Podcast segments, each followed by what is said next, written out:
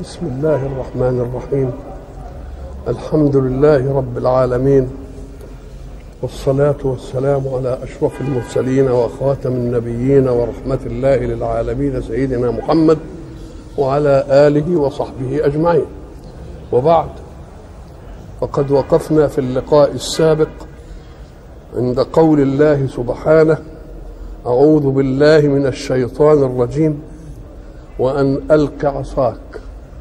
فلما رآها تهتز كأنها جان ولى مدبرا ولم يعقب. يا موسى أقبل ولا تخف إنك من الآمنين. لم يجئ هنا كلام عن العصا في قوله في قصة أخرى ما تلك بيمينك يا موسى؟ مما يدل على أن تكرير القصص كما قلنا إنما هو استيفاء لقطات كل قصة تأتي بلقطة. حينما ألقى العصا ألق عصاك هذا أمر. لم يقل الحق فألقى موسى عصاه. قال ألق العصا. فلما رآها أي موسى تهتز يبقى في حاجة هنا مش موجودة.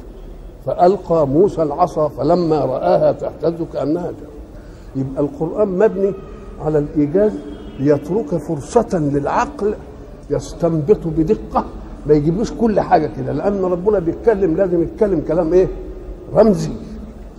ألقى عصا فلما رآها تهتز كأنها جان ولا مدبرة. وإحنا قلنا الجن هو فرق الحية. مرة قال ثعبان ومرة قال حية ومرة قال كأنها جان. قلنا برضو دي لقطات مختلفة. هي في ثعبانيتها حية وهي في ثعبانيتها جان. لأن الثعبان إحنا عارفين طوله. الحية فيها عارفين غلازها. الجن عارفين نشاطه وحركته. تبقى هي الثلاث صور موجودة. فكل فكل كلمة دلت على لقطة من هذه. وإلا فهي هي. هي جان وهي حية وهي وهي عصا. وتهتز كأنها جان. دليل على أن العصا الجامدة انقلبت إلى حيوان. وبيهتز بخفة. موسى لم يتعود إن العصا تبقى كده. لو أنها العصا دي رجعت إلى أصلها فصارت فرع شجرة إنما ده انتقلت من جمادية إلى حيوانية وحيوانية نشطه بهذا الشكل دي مسألة مش كلها عجيبه ما ولا مدبرا مدبر يعني إلى إلى الخلف. ناداه ربه. أقبل يا موسى أقبل. يعني ارجع تاني ولا تخف لأنه ادبر ولم يعقب ما جاش على عقبه يعني. أقبل ولا تخف وأعطى له القضية التي يجب أن يصحبها موسى في كل تحركاته في الدعوة. إنك من الآمنين. ما قالوش أأمنك يعني تبقى هنا؟ لا. إنك من الآمنين يعني قضية مستمرة. لأنك في معية الله. إذا كنت أنت هتخاف وأنت في معيته أمال لما هتروح قدام فرعون تعمل إيه؟ ولذلك جعل الله لموسى دربة معه وجعل له دربة مع فرعون وخاصته ليعده للجولة الأخيرة مع مين؟ مع فرعون وخاصته والجمهور كله والسحرة والكل فلازم يؤنسهم مرة مرة مرة عشان يقبل بقى إيه؟ بلا خوف ولا إيه وجه ويثق من أنه إيه؟ منتصر هنا سيدنا موسى انتفع بالمواقف دي كلها ولذلك لما جو قم فرعون يدركون قال أصحاب موسى إن إيه جت القضية بقى ده هو قايل إنك من الآمنين مؤمنين منتظمه أنا لمدركون هو قالها بملء فيه. كلا الرصيد موجود عنده. ليه كلا؟ ما حيثيته كلا؟ ويمكن تكذب في وقتها حالا لانهم وراك هو ده البحر أهو. قال ان معي ربي سيهدين وانتفع بها الرسل جميعا. لما يجي واحد حتى يخاف من خصومه ولا حاجة لا يخاف لدي المرسلون. فيبقى آمنين. إنك من الآمنين. ولا يخاف لدي للعموم المرسلون. مش كده؟ سبقت كلمتنا لعبادنا المرسلين. إنهم لهم الإيه؟ كل حاجة مش أقبل ولا تخف. إنك من الآمنين. وسيدنا رسول الله صلى الله عليه وسلم انتفع بهذه أيضا. مقصوص عليه في القرآن. واراها آه. فلما جاء في الغار سيدنا أبو بكر لحرصه على سيدنا رسول الله متتبع الفجوة اللي في الغار فوجد القوم يسيرون. بس رؤوسهم فوق طبعا ورجلهم تحت. شافهم ولا لا؟ فسيدنا أبو بكر قال لو نظر أحدهم تحت إيه؟ لرآنا فماذا قال سيدنا؟ قال له يا لا تخف ولا تحزن. إن الله معنا. وما دمنا في معية من لا تدركه الأبصار فلن تدركنا الأبصار. ما شاء الله أعطاه هذه آية العصا ثم نقله إلى آية أخرى عشان تبقى معجزة كمان. قال له اسلك يدك في جيبك. إحنا قلنا الجيب هو الفتحة الأبة دي وسموها جيب زي ما إحنا بنسمي دي جيب دي معمول هنا من هنا. لأن كان زمان يحطوا الجيوب فين؟ في الداخل عشان ما تبقاش باينة للناس. أحسن يسرقوها ولا حاجة. يقوم يحط إيده في جيبه عشان يجيب الحاجة كده. يبقى الجيب في الأصل فين؟ اللي هو الأبل اسلك يعني أدخلها. اسلك يدك في جيبك. شوف الدقة الأدائية في التعبير. اسلك يدك في جيبك. تخرج بيضاء. مش وأخرجها تجدها بيضاء. طب الأمر قال له اسلك. كان يقول إيه وأخرجها؟ قال لا. كأنها مضبوطة ضبط آلي. هو يحطها كده هي تخرج على طول. فكأن الإرادة له على جوارحه كانت في الإدخال ولكنها لم تكن في الإخراج. مضبوطة ضبط آلي. تخرج بيضاء. وكلمة بيضاء بالنسبة لسيدنا ده هو أسمر وهي تخرج بيضاء والبياض فيه الأسمر يبقى له من المرض فيعمل إيه؟ يخاف لا تكون إيه؟ فربنا الحق له هي تخرج بيضاء بس من غير سوء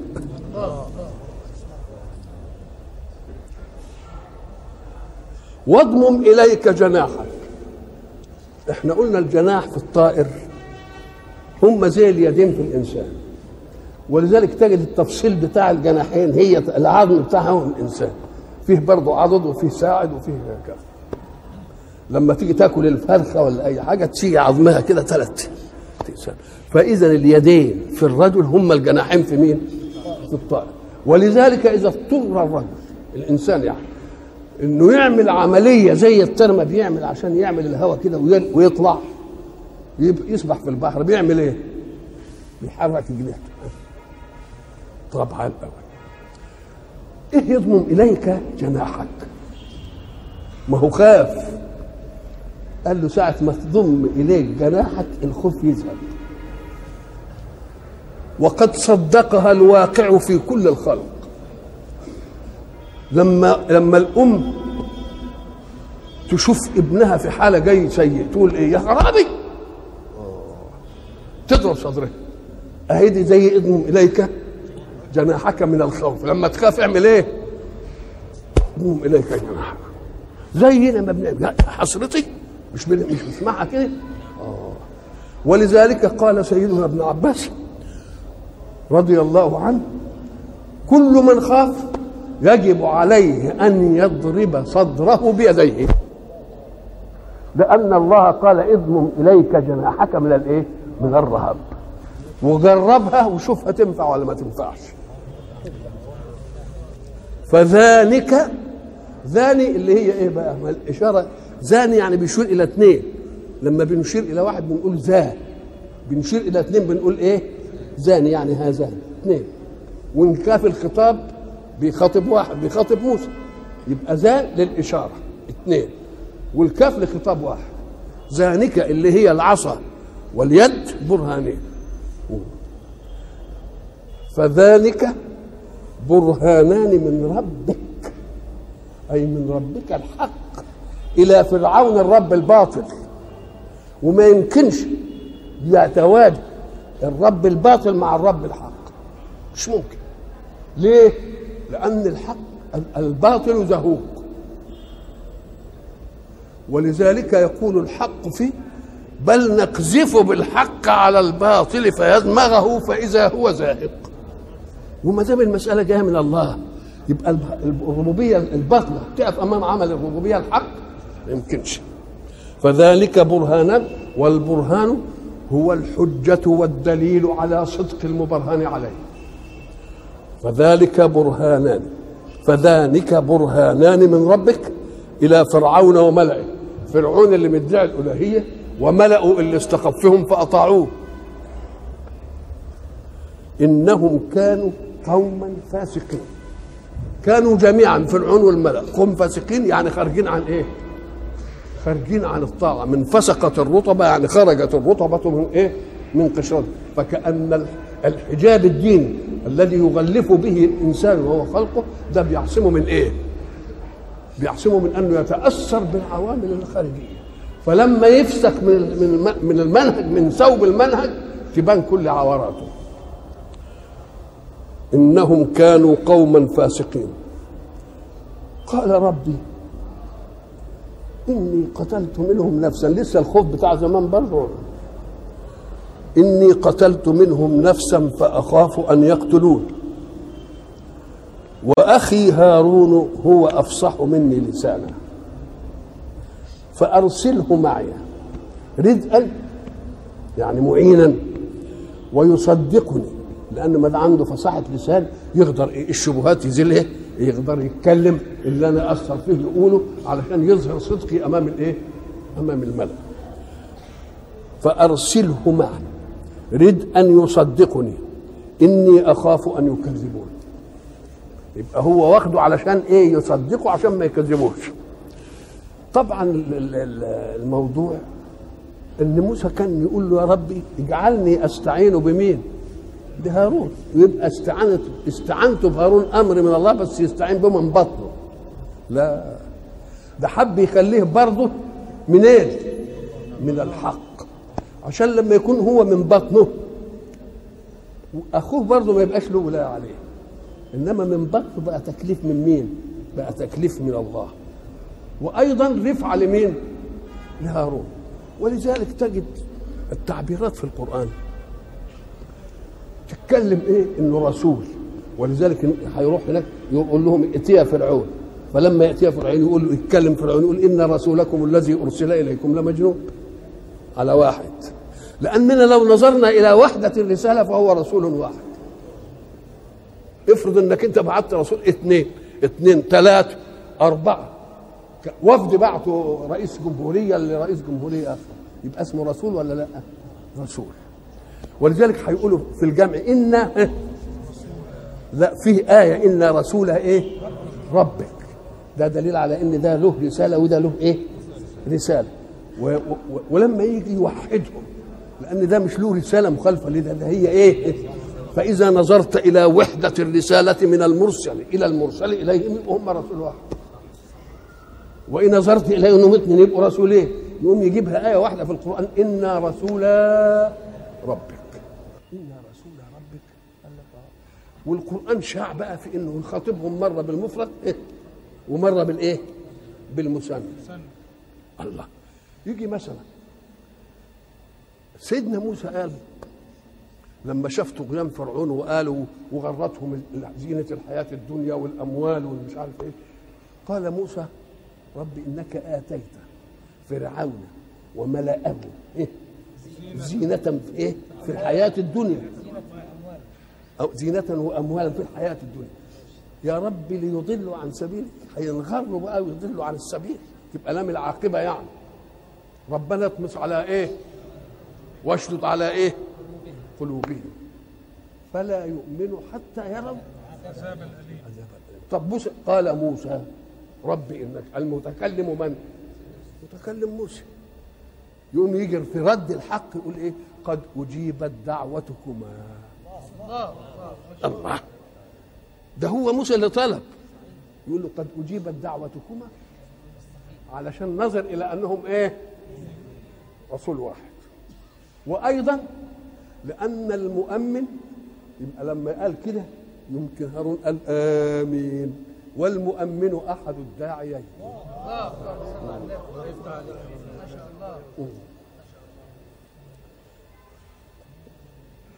أجابه الحق وقال قال سنشد عضدك بأخيك. مش هو قال له في آية تانية كده اشدد به أزري وأشركه في أمري كي نسبحك كثيرا قال له سنشد عضدك بأخيك. شو التعبير؟ ميكانيكي. لأن الإنسان يزاول أغلب أعماله أو كلها تقريبا بمين؟ بيديه.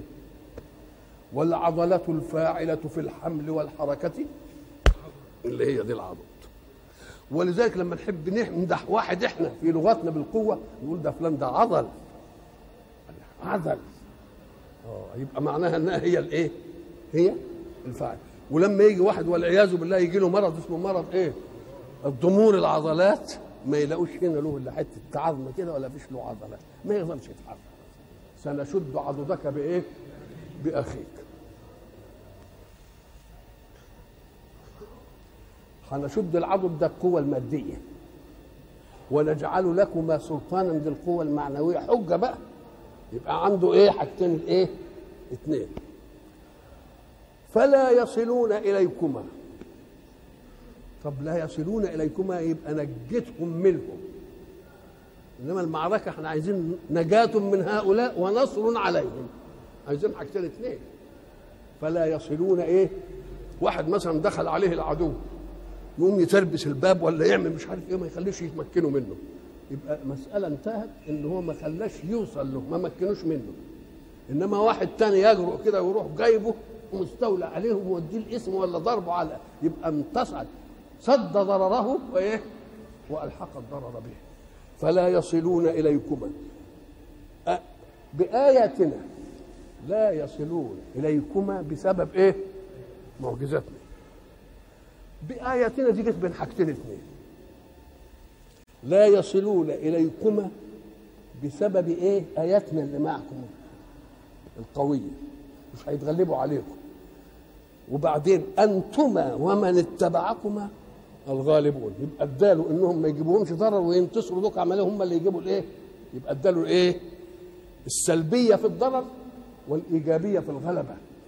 أنتما جت بالاثنين.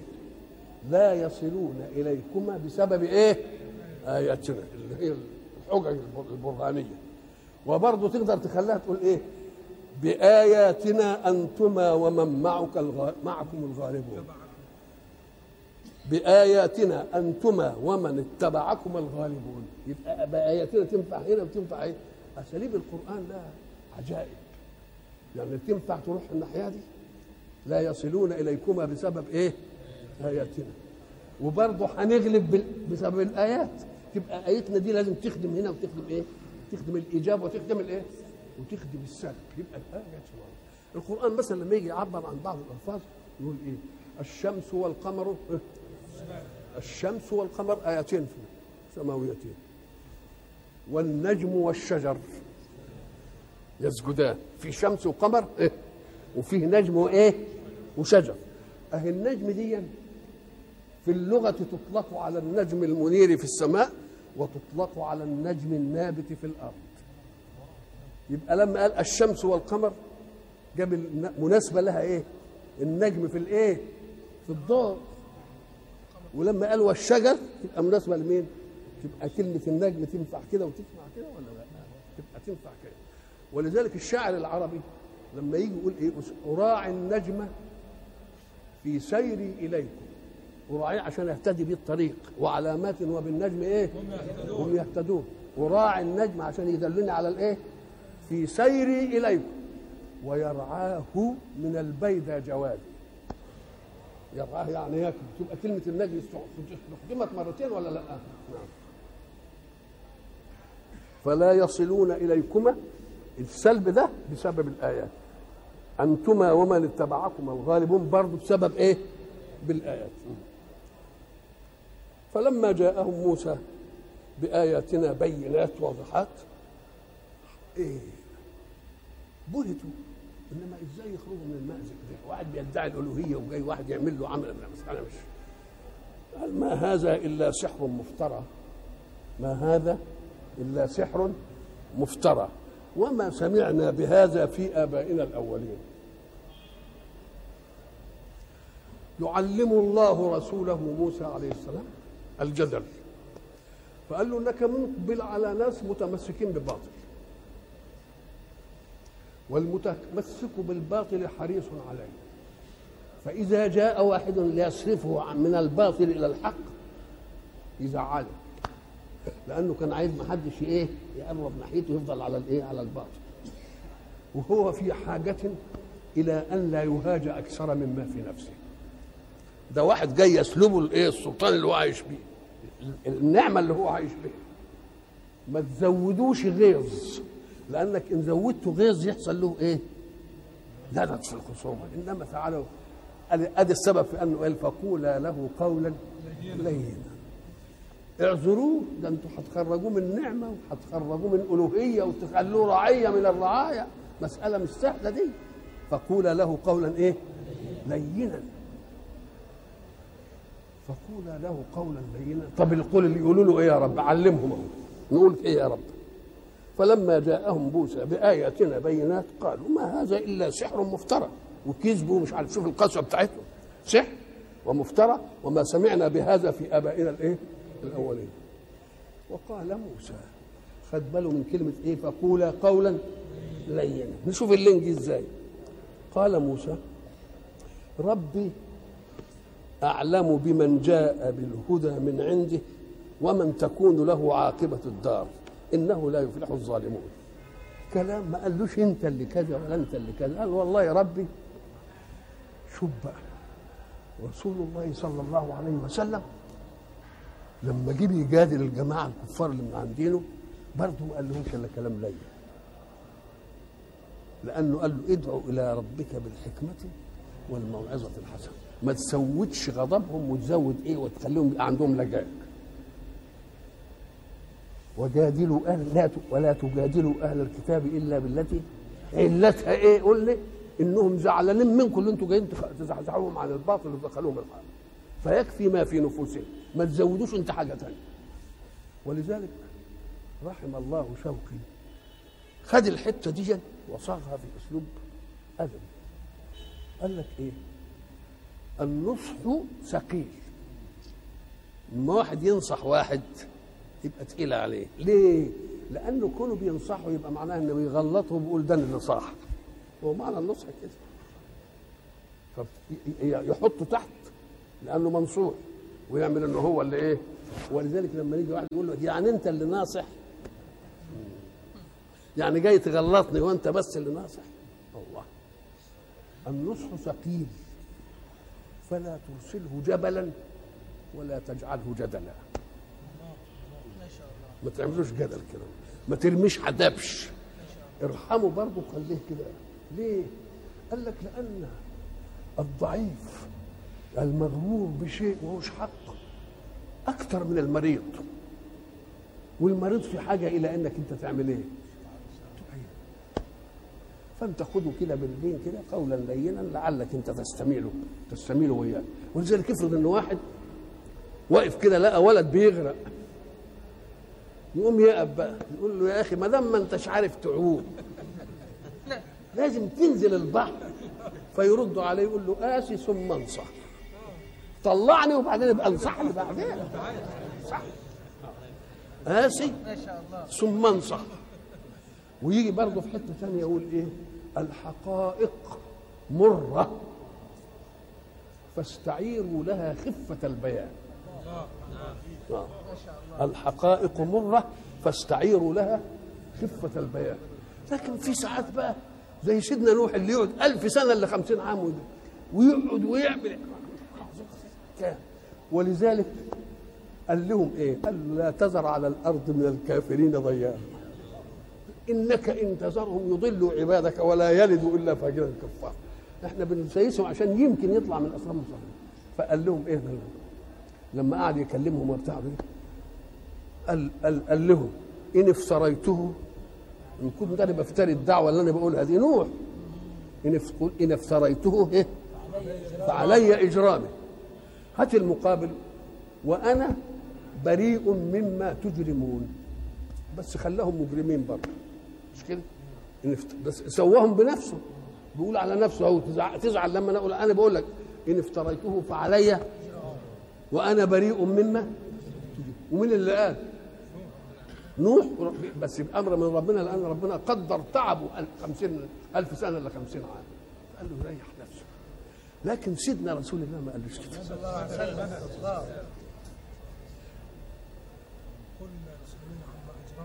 لا لا تسألون عما أجرمنا.